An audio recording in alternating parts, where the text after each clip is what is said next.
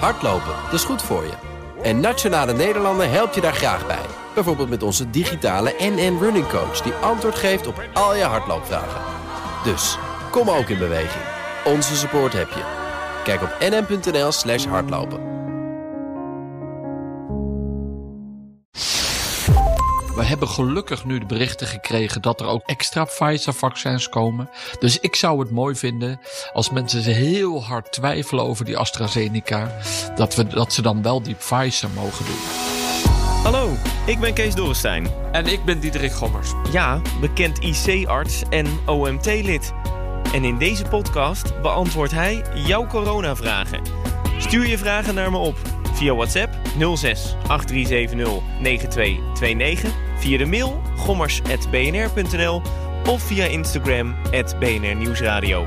Dan leg ik ze aan hem voor. Vraag het. Gommers. Goed dat je er weer bij bent, dat je lekker aan het luisteren bent en misschien wel een vraag hebt ingestuurd.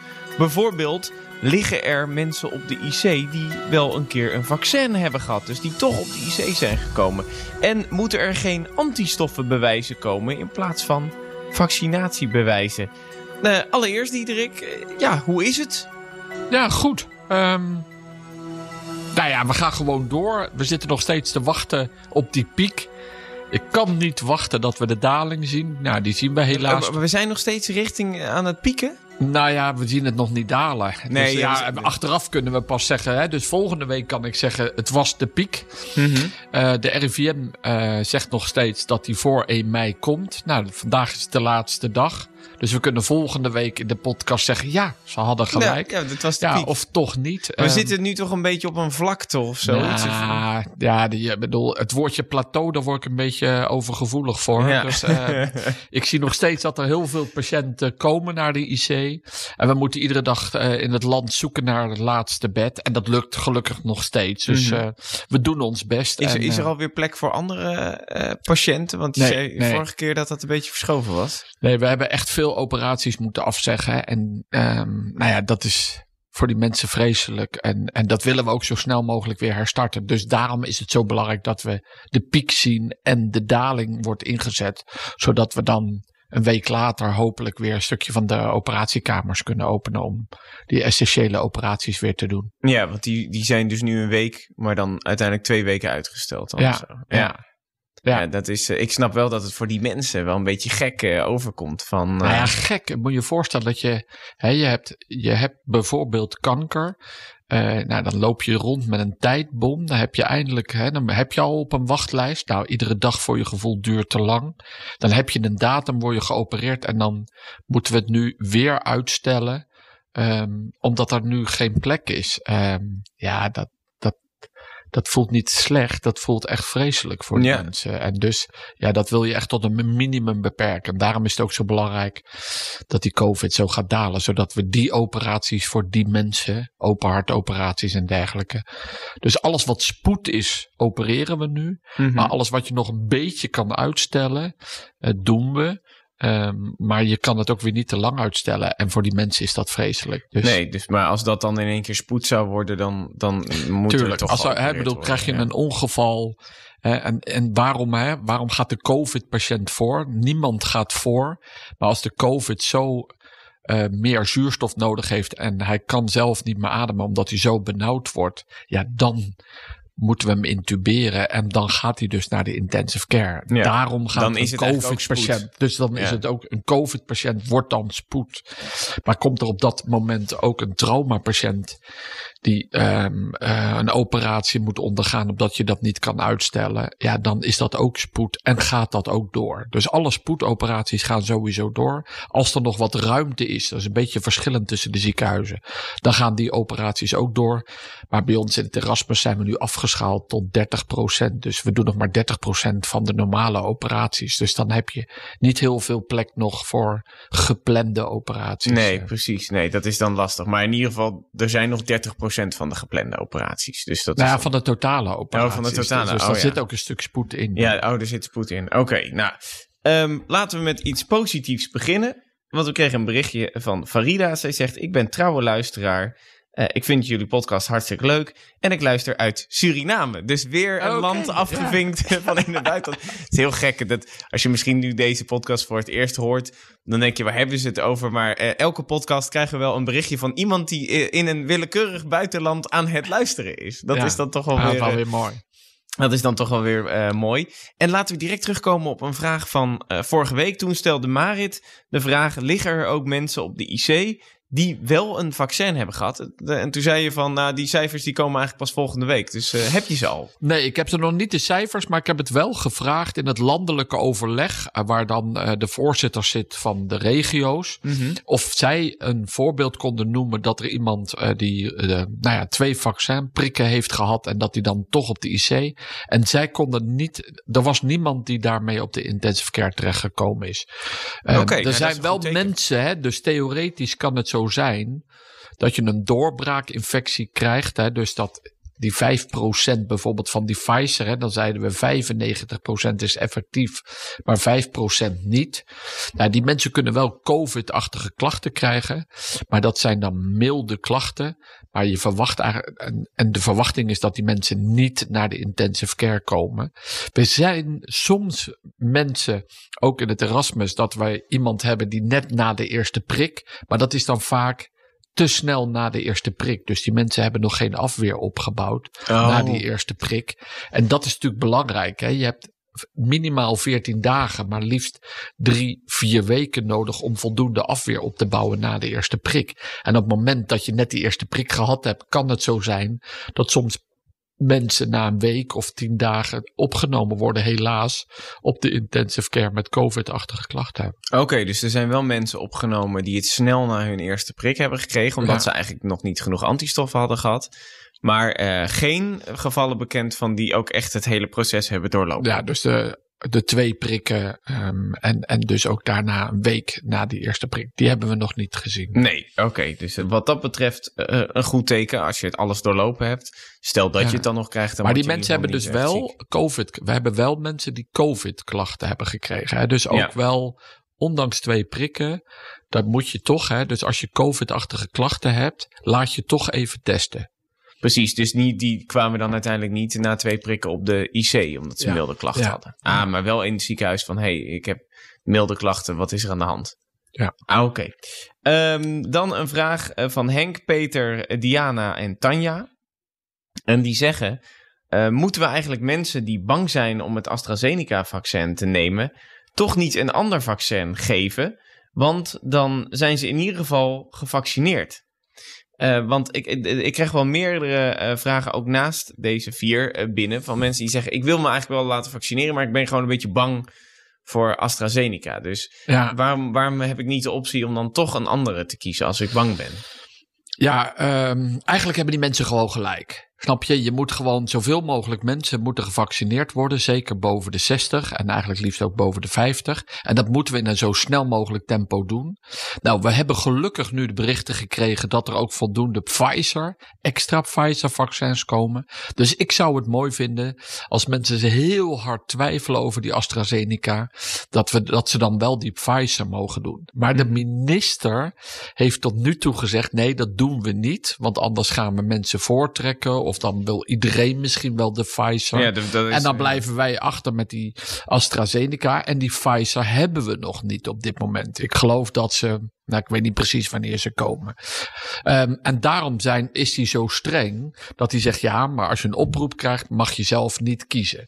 Ik denk, of ik hoop, ehm, dat eigenlijk dat als die Pfizer's dadelijk in grote hoeveelheden, dat mensen dat wel krijgen.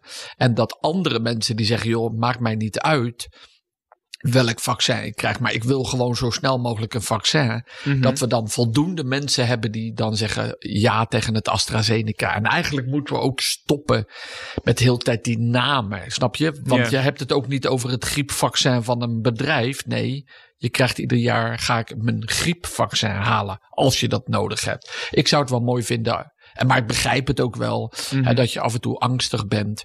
Dat je bang bent. Dat je zegt van luister eens, eigenlijk wil je gewoon het COVID-vaccin. Ja. Maar goed, ehm, ja, er is veel. Hè, het blijft een zeldzaam en sommige mensen vinden het toch eng. Dus ik hoop het allerbelangrijkste is dat die mensen zo snel mogelijk een prik in die bovenarm krijgen. En dan heb ik liever dat ze dan kiezen voor het Pfizer. Uh, en ik hoop dat de minister dat ook... Ja, dat ze de keuze hebben in ieder geval ja. van als ze dan bang zijn voor het een, dat ze de keuze hebben, dat, dat ze dan maar ja. zo gevaccineerd Want dat is het belangrijkste voor ons ziekenhuizen. Ik bedoel, wij kunnen nu niks meer. We zitten te duimen dat het gaat dalen. En het gaat alleen maar het risico dat die ziekenhuizenopnames gaan dalen de komende maand, is als we zo snel mogelijk vaccineren. En we weten dat die finish in zicht is. We weten dat als er meer mensen gevaccineerd zijn, dat er uiteindelijk minder mensen naar het ziekenhuis komen. Daar heel mooi voorbeeld is Curaçao. Mm -hmm. dat ging helemaal mis 14 dagen geleden, drie weken geleden. Toen zijn er gelukkig veel artsen naar en artsassistenten naartoe en verpleegkundigen naartoe gestuurd. Was sommige mensen daar boos over. Maar het belangrijkste wat daarheen gestuurd was, waren vaccins. Ja. Er wonen 150.000 man. Dat is niet er is veel. nu 70.000 mensen zijn gevaccineerd. En nu zie je het heel hard dalen. En er zijn nu duidelijk minder ziekenhuisopnames en ze kunnen het weer aan. Nou, ik vind dat een prachtig voorbeeld. Dan moet je echt even lezen, die getallen. Hoe belangrijk dat is. Hè? Ja, dus als wij richting die kant op kunnen. Dat 50% van onze mensen gevaccineerd is. Ja, dan lopen die ziekenhuizen niet meer over. En gaan we de goede kant op met elkaar. Want ik zag ook eh, de, de kaarten van Europa, van de, waar de besmettingen hard gaan. Nou, je ziet het. Frankrijk, Nederland, Zweden op dit moment gaat heel hard. Maar je zag Groot-Brittannië eh, echt een witte of een lichtgrijze kaart. En als het rood is, dan is het slecht. En blauw is het een beetje en eh, wit eigenlijk niet. Nou, je zag gewoon dat Groot-Brittannië echt enorm eh, terugloopt. eh, Ja. Omdat daar zoveel Ja. mensen Ja, gevaccineerd maar daarom is het zo belangrijk. Hè? Dus daarom wat je ook is de goede vraag. Als mensen nou twijfelen en dan zeggen, ja, dan doe ik het maar niet.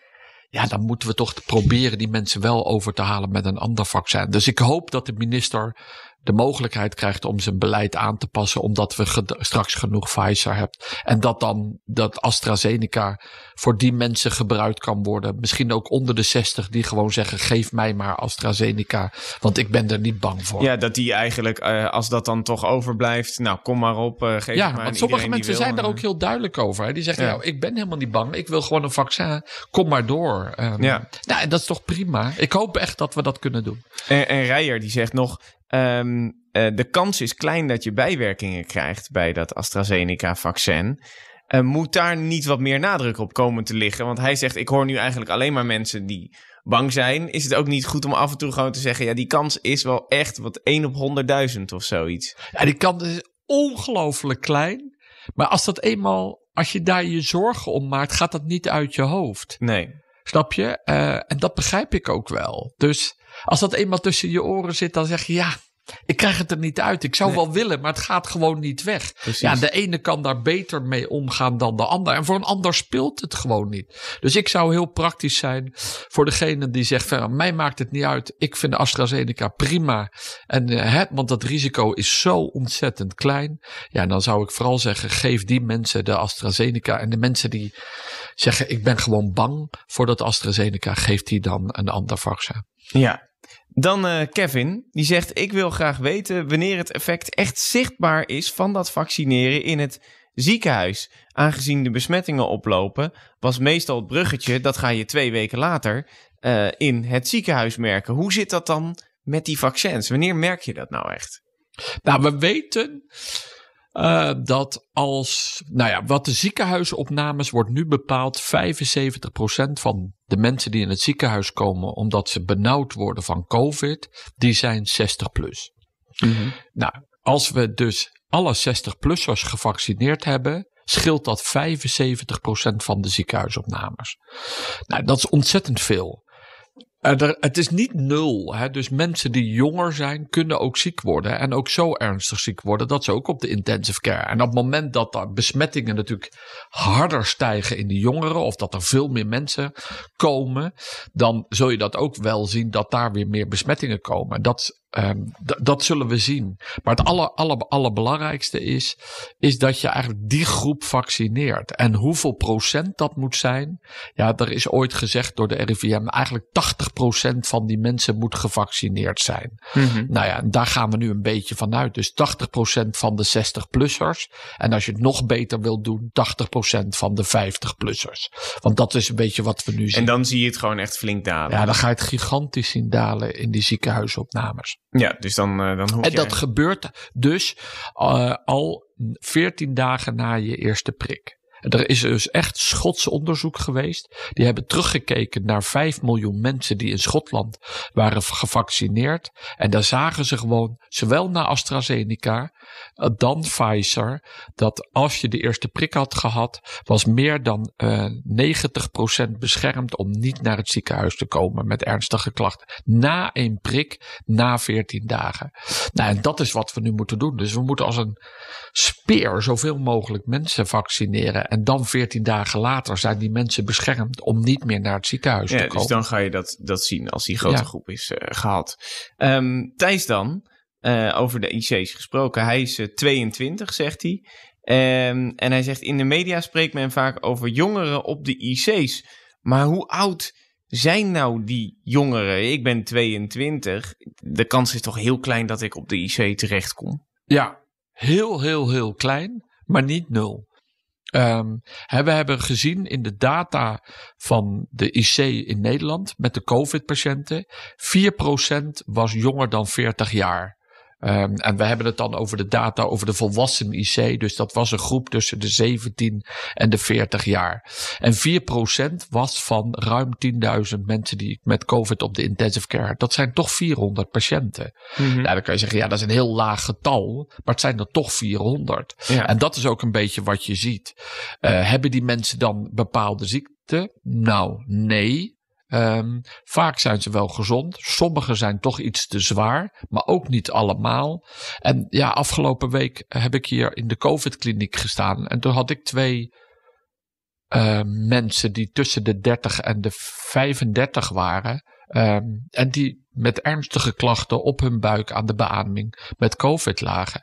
Dus het kan dat je ook jong bent. Uh, en ja, we weten niet zo goed waarom de ene wel en de ander nee, niet. Het is dan bij jongeren lijkt het meer eerder een pechgeval uh, te zijn. Nou ja, of we komen er later achter. We hebben bij sommige jongeren gevonden dat ze een af. Uh, uh, een bepaald gendefect hebben in hun afweer. Dat een stukje van hun afweer missen. Maar het afweer is een heel complex geheel. En dan heb je verschillende routes. Um, en zij hadden daar een afwijking in. Dat is uit onderzoek van Nijmegen gebleken. Maar dat is heel uitzonderlijk. Maar je kan ook gewoon ja, pech hebben. En dat je toch zo ziek wordt van het COVID. Um, en dat je dan toch op de intensive care belandt. Dus, maar als je 22 bent, de kans is echt heel, heel, heel klein. Maar niet nul. Want Ad die zegt dan, um, wat betreft die leeftijd. Hij zegt bij de eerste golf coronapatiënten lagen er veel 70-plussers op de IC. En minder 60 of 50 minners. Bij de huidige golf lijkt het erop dat er meer um, 60. Oh, hop, je wordt gebeld. Bij de huidige golf lijkt het erop uh, dat het meer 60 en 50 minners zijn. Kan dat dan ook te maken hebben gehad met dat uh, gemuteerde virus? Dat dat wat meer jongeren treft? Of, of klopt dit wat hij zegt? Nou, dat dachten we eerst wel. Hè? Ook in Engeland dachten we toen het de, Britse variant. Toen was het vooral bij uh, mensen, dat brak eigenlijk uit op scholen. En toen daar waren we een beetje bang dat die Britse variant meer bij jeugdigen optrad. Of bij um, kinderen op de basisschool. Maar dat kwam eigenlijk meer waarom het gebeurde. En dat is misschien ook in Nederland. We zien wel dat het um, de Britse variant iets infectieuzer is. Hè. Je draagt hem makkelijker over tussen mensen. Maar hij is niet meer ziekmakend. Je wordt er niet zieker van als het virus wat we in 20, 2020 hier hadden. Maar wat we wel uh, dus zien is dat die oudere groep, daar worden steeds meer mensen gevaccineerd. En dat is wat we zien. We zien dus in de bejaardenhuizen, in de 80-plussers, dat we geen oversterfte meer hebben bij de 80-plussers, omdat die mensen gevaccineerd zijn. Mm-hmm. En je ziet nu in de groep 60 en 70 plus, hangt een beetje af uh, welk jaartal je bent. Daar wordt nu gevaccineerd, of daar is gevaccineerd, maar dat is nog zeker niet iedereen gevaccineerd. Dus we zien nu wel dat het langzaam opschuift, maar dat heeft echt te maken met het vaccineren. Uh, maar we zien zien eh, ben het helemaal met uh, degene eens dat we nu wel meer mensen zien tussen de 50 en de 60 en tussen de 60 en de 70. Um, terwijl we in de eerste golf de 80-plussers kwamen eigenlijk niet. Hè. Daar zeiden de huisartsen van uh, dat het geen zin had om naar de intensive care. Heel sporadisch. Maar we hadden toen veel meer mensen tussen de 70 en de 80. En nu worden ze iets jonger. En komt dat dan door het vaccineren of ook misschien omdat die heel cru gezegd die mensen ook al overleden zijn. Ja, maar het, ik, nee, ik durf dat niet te zeggen dat dat. Ja, tuurlijk heeft dat een effect, um, maar niet zo groot dat we dat minder zouden zien. Je ziet nu dat de gemiddelde leeftijd uh, de afgelopen twee maanden lager wordt dan de twee maanden ervoor. En zeker in vergelijking met de periode maart-april vorig jaar. Ja, en uh, komt dat dan ook omdat er binnen die leeftijd gewoon dan wat meer besmettingen zijn? Ja, je ziet vooral de meeste besmettingen is nog steeds in die groep tussen de 17 en de 24 jaar.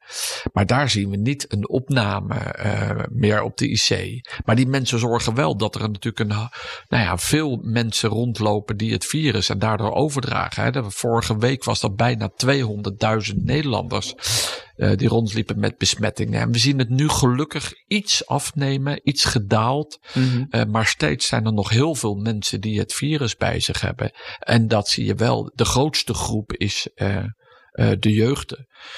Ja, oké. Okay. Dus dat, dat, en dat, ja, dan, dan kan ik me ook wel voorstellen dat, dat, dat het aantal op de IC ook wel lager is. Lineke dan, uh, dat, ja, die heeft een vraag. Ik vond het een heftige vraag. Uh, eigenlijk. Maar ja, ik wil hem wel toch stellen. Ik was er wel door geraakt. Um, zij zegt: uh, Beste Kees en Diederik. Um, ik weet dat er veel vragen komen, maar ik wil dit toch eventjes aankaarten. Mijn nichtje van 40, um, ehm, de dochter van mijn overleden broer, werd deze week opgenomen op de IC. Ze hebben haar inmiddels, heeft ze ook via WhatsApp alvast voor de zekerheid afscheid genomen van haar nieuwe man en drie dochters die thuis COVID hebben. Um, ze hebben haar nu in coma gebracht en haar een buikligging gegeven. Um, waarom is dat? Waarom breng je dan iemand in coma en uh, met een buik buikligging? Is de kans op herstel dan beter? Ja, nou dat is een beetje. Uh, dus mensen die helaas niet zelf, uh, die benauwd worden en uiteindelijk niet zelf kunnen ademen, omdat ze gewoon de kracht niet meer hebben, komen uiteindelijk op de intensive care terecht. Dan brengen wij een buisje tussen de stembanden en gaan we die patiënten beademen. Um, en een van de beademingstechnieken die goed werkt is iemand op de buik te leggen. Wat, wat gewoon dat buisje plaatsen en in je keel of in je luchtpijp, dat, dat voelt niet goed. En zeker ook op je buik liggen, uh, dan accepteren die mensen heel slecht die beademing. En daarom word je in coma gebracht, eigenlijk in slaap gebracht. Mm-hmm. Dus eigenlijk hetzelfde word je in slaap gebracht met dezelfde middelen als een operatie. En soms kan dat zijn dat je, hè, je krijgt dus en een slaapmiddel en een pijnstiller. Um, en soms moet je, moeten we je ook verslappen. Hè, dus dat je je spieren niet kan gebruiken, omdat die patiënt zo'n drive heeft. Hè, die wil zo graag zelf ademen. En, de, en dan gaat hij in gevecht met die machine. Dus daarom ja. brengen we mensen diep in slaap. En omdat je op je buik ligt, is het risico dat, dat die buis die daar geplaatst is, misschien dat je die zelf eruit wil halen. En dat kan gewoon niet. Dan breng je jezelf in gevaar. Dus daarom doen we dat. En de meeste protocollen, en hangt een beetje af hoe je reageert. Maar meestal doen we dat voor de eerste drie tot vijf dagen. Daarna, hè, en dan draaien we je wel voor een x aantal uur per dag weer terug naar je rug. Want anders krijg je te veel doorlichtplekken. Um, in je gezicht. Je krijgt allemaal uh, naar je nou ja, vocht onder je oogleden en die dingen. Dus je moet ook even een x Meestal is dat een uur of zes of acht per dag lig je op je rug. Maar het grootste gedeelte van het dagdeel lig je dan op je buik. En als die long dan een beetje verbetert, ja, dan hoef je niet meer naar terug naar je buik. En dan proberen we je weer wakker. Hè? Dan stoppen we de medicijnen of we halveren het eerst. Dan word je langzaam weer wakker. En gaan we kijken of je weer zelf kan ademen. Dus dan bouwen we eigenlijk die ondersteuning en de hoeveelheid zuurstof die we via het apparaat geven, bouwen we in dagen weer af. En als dat goed gaat en je bent zo goed wakker, dan halen we het buisje er weer uit en moet je zelf ademen. Oké, en eh, ja, dan denk ik 40, dat is natuurlijk hartstikke jong. Ja, Ook, absoluut. eh, ze heeft ook dochters eh, waar ze dan eh, een berichtje naar heeft gestuurd. Dus dat, dat raakte me dan wel. Eh, wa- wat is dan de kans bij zo'n 40-jarige dat ze er uiteindelijk weer bovenop komt? is, is, is groot. Hè? Dus de, het sterftecijfer hangt af van de leeftijd. Ehm, eh, en dus hè, de, een 80-jarige, daar heb je een kans van 30% dat die komt over te lijden. Misschien wel meer. En een 40-jarige is misschien maar minder dan. Er zit ergens tussen de 5 en de 10%. Maar ja, je zult net aan de verkeerde kant zitten. Dus je hebt een veel grotere kans om te overleven. Eh, maar er gaan dus ook een aantal veertigers helaas eh, eh, is hun long en de schade van het COVID te ernstig. En die komen dan toch te, te overlijden op de intensive care. Nou, laten we hopen, Lieneke, dat, dat zij er in ieder geval bovenop komt. Alle, alle beterschap natuurlijk daarvoor. En laten we wel weten of nou, ze we wensen ze heel veel succes. Want dat is echt een hele zware periode voor Ja, de familie. Precies. En vooral voor de familie. Hè, om, je kan niks. Je moet afwachten en hopen dat, het, dat ze maar herstelt. Precies, en maar goed, niet, eh, dat is het. hè, Het grootste gedeelte van de 40-jarigen. Echt het allergrootste gedeelte herstelt. Maar een klein eh, gedeelte helaas niet. Helaas niet, nee, inderdaad. En nou, hopelijk kan je iets met deze informatie, dat, het, dat je het je een beetje geruststelt. Barbara dan, zij zegt, ik heb eh, veel artikelen gelezen over de huisartsen die dan van die klaargemaakte spuitjes AstraZeneca moeten weggooien. Er was ook zo één verhaal van één huisarts die zo'n prullenbak deelde met 60 van die spuitjes eh, die die niet heeft kunnen zetten. Ehm, eh, nu zegt ze ook, ik heb ook eh, in commentaren van andere artsen gelezen dat ze de spuiten tot vijf uur van tevoren klaarmaken. Maar hoe schadelijk is dat? Want je moet ze toch eigenlijk direct gebruiken? Nee, kijk, ehm, afhankelijk weer van het va- vaccin, hè, ehm, mag je spuitjes optrekken en uit zo'n ampul, hè, dat is zo'n klein flesje, hoe, hoe zuiniger je bent, en dat kunnen die apothekersassistenten heel goed, die hebben zulke eh goede naalden en spuitjes en kunnen zo nauwkeurig werken dat ze net één spuitje meer uit die ampul kunnen halen. Dus dat er was, hè, in plaats, ik geloof in plaats van zes kunnen zij er zeven uithalen. Dus dan heb je één extra iemand die het vaccin kan geven. Het allerbelangrijkste is dat je natuurlijk bij de GGD in die grote prikstraten heb je heel veel mensen die je moet prikken. Dan is het fijn dat je grote hoeveelheden spuitjes kant klaar hebt liggen. En je kan ze een aantal uren van tevoren optrekken. Um, en sommigen bewaren dat in de koelkast in het spuitje. En anderen uh, leggen dat dan buiten de koelkast als ze ze bijna gaan gebruiken. Wat het lastige bij de huisartsen is, dat de huisarts heeft natuurlijk minder patiënten. En die roept patiënten op. En als ze dan niet komen, maar hij heeft uh, voor dat uur tien spuitjes opgetrokken. En er komen maar vijf mensen. Ja, dan heeft hij vijf spuitjes over. En Ja. daarom de huisartsen heeft, hebben heel goed werk gedaan om, geloof ik, de 63 en 64 jaar te prikken. Dat hebben ze ook helemaal gedaan in het hele land. Uh, huisartsen zijn ook gewend, hè, want die doen ook vaak de griepprikken. Maar soms is het voor hun ook heel erg lastig omdat ze dan eh, in de problemen komen dat ze met zo'n ampul hebben ze wel twee of drie dan mensen kunnen prikken, maar dan uit de rest van die ampul kun je maar beperkt, is maar beperkt houdbaar. Die moet je die dag wel opmaken. Nou, en dat, daarom is op een gegeven moment gezegd dat het toch weer handiger is om in grotere getallen bij de GGD. En die hebben nu zoveel mensen, dus dat ze daar nou ja, minder verlies hebben Ja. uh, met, met het. Uh, maar het is dus niet met- met schadelijk het dat je dat dan vijf uur van tevoren Nee, nee, dat staat echt op de verpakking. En dat is voor elk vaccin staat erop hoe lang je het van tevoren mag klaarmaken. En hoe lang je het dan buiten de koelkast enzovoort Ja. enzovoort. Er staat een helemaal keurige beschrijving. En dat kun je ook vinden ehm, op het internet. eh. En, ja, en dan is het maar jammer dat er nog wat wordt weggegooid.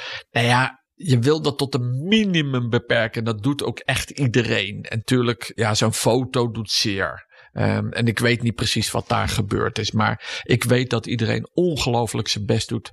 Want we hebben die technieken dat we een extra spuitje uit die ampullen haalt. Hebben we ook gedaan om zoveel mogelijk mensen te vaccineren. Dus ja, tuurlijk gebeurt er af en toe iets wat.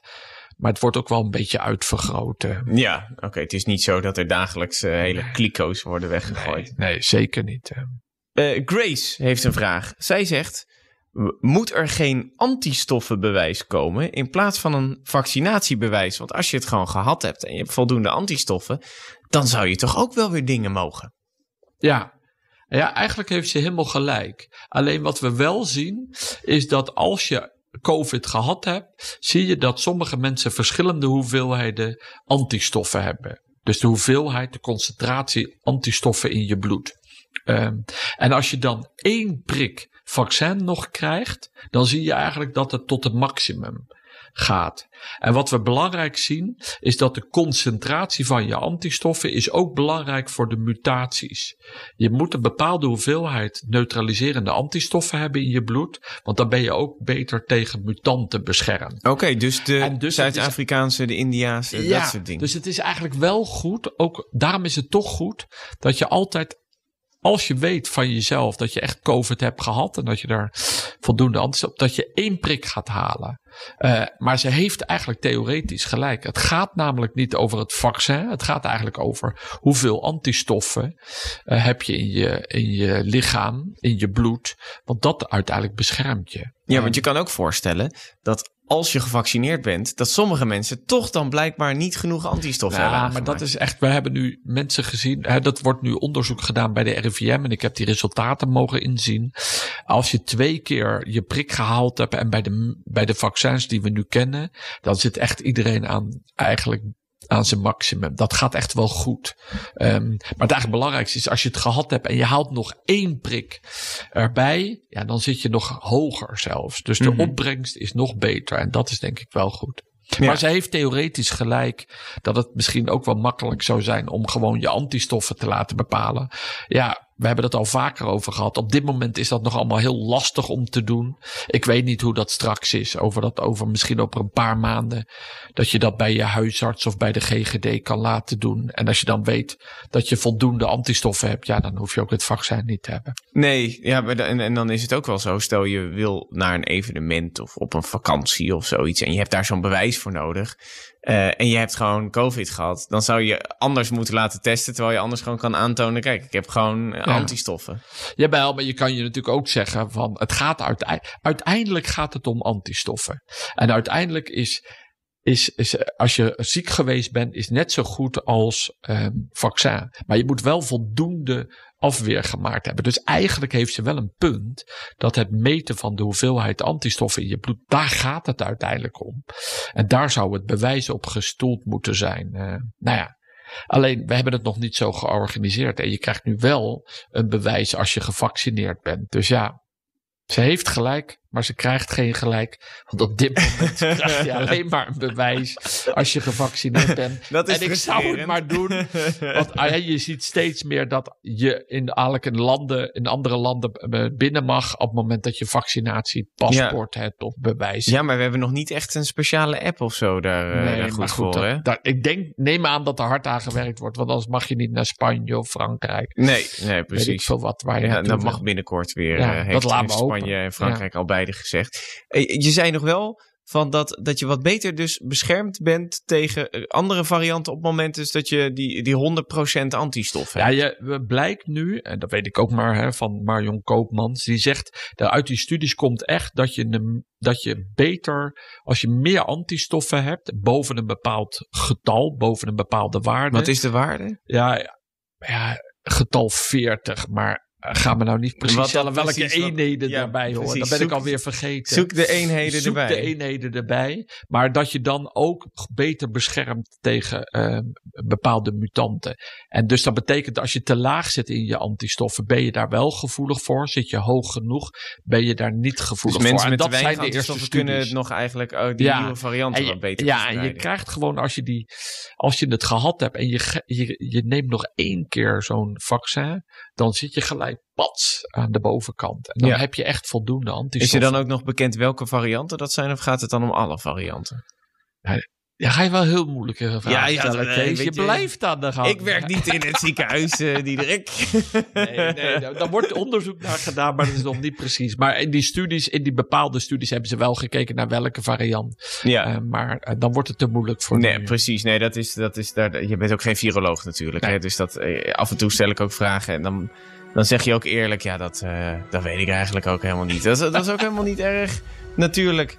Eh, heb je zelf een vraag? Stuur hem via WhatsApp naar mij. Eh, dat is mijn, dit is mijn persoonlijke WhatsApp-nummer 06 8370 9229. Of mail het even naar gommers.bnr.nl. En vind je de podcast leuk? Of wil je weten wanneer jouw vraag voorbij komt? Abonneer je dan even in je favoriete podcastplatform. De BNR-app, eh, Spotify, Apple Podcast. Noem maar op, zijn we overal in te vinden. Dus doe dat vooral. En dan uh, volgende keer heb ik weer een heleboel moeilijke vragen voor je. Ja, Diederik. Nou, maar komen. Ja, precies. dan gaan we ze gewoon even uitzoeken weer. Tot de volgende. Hoi.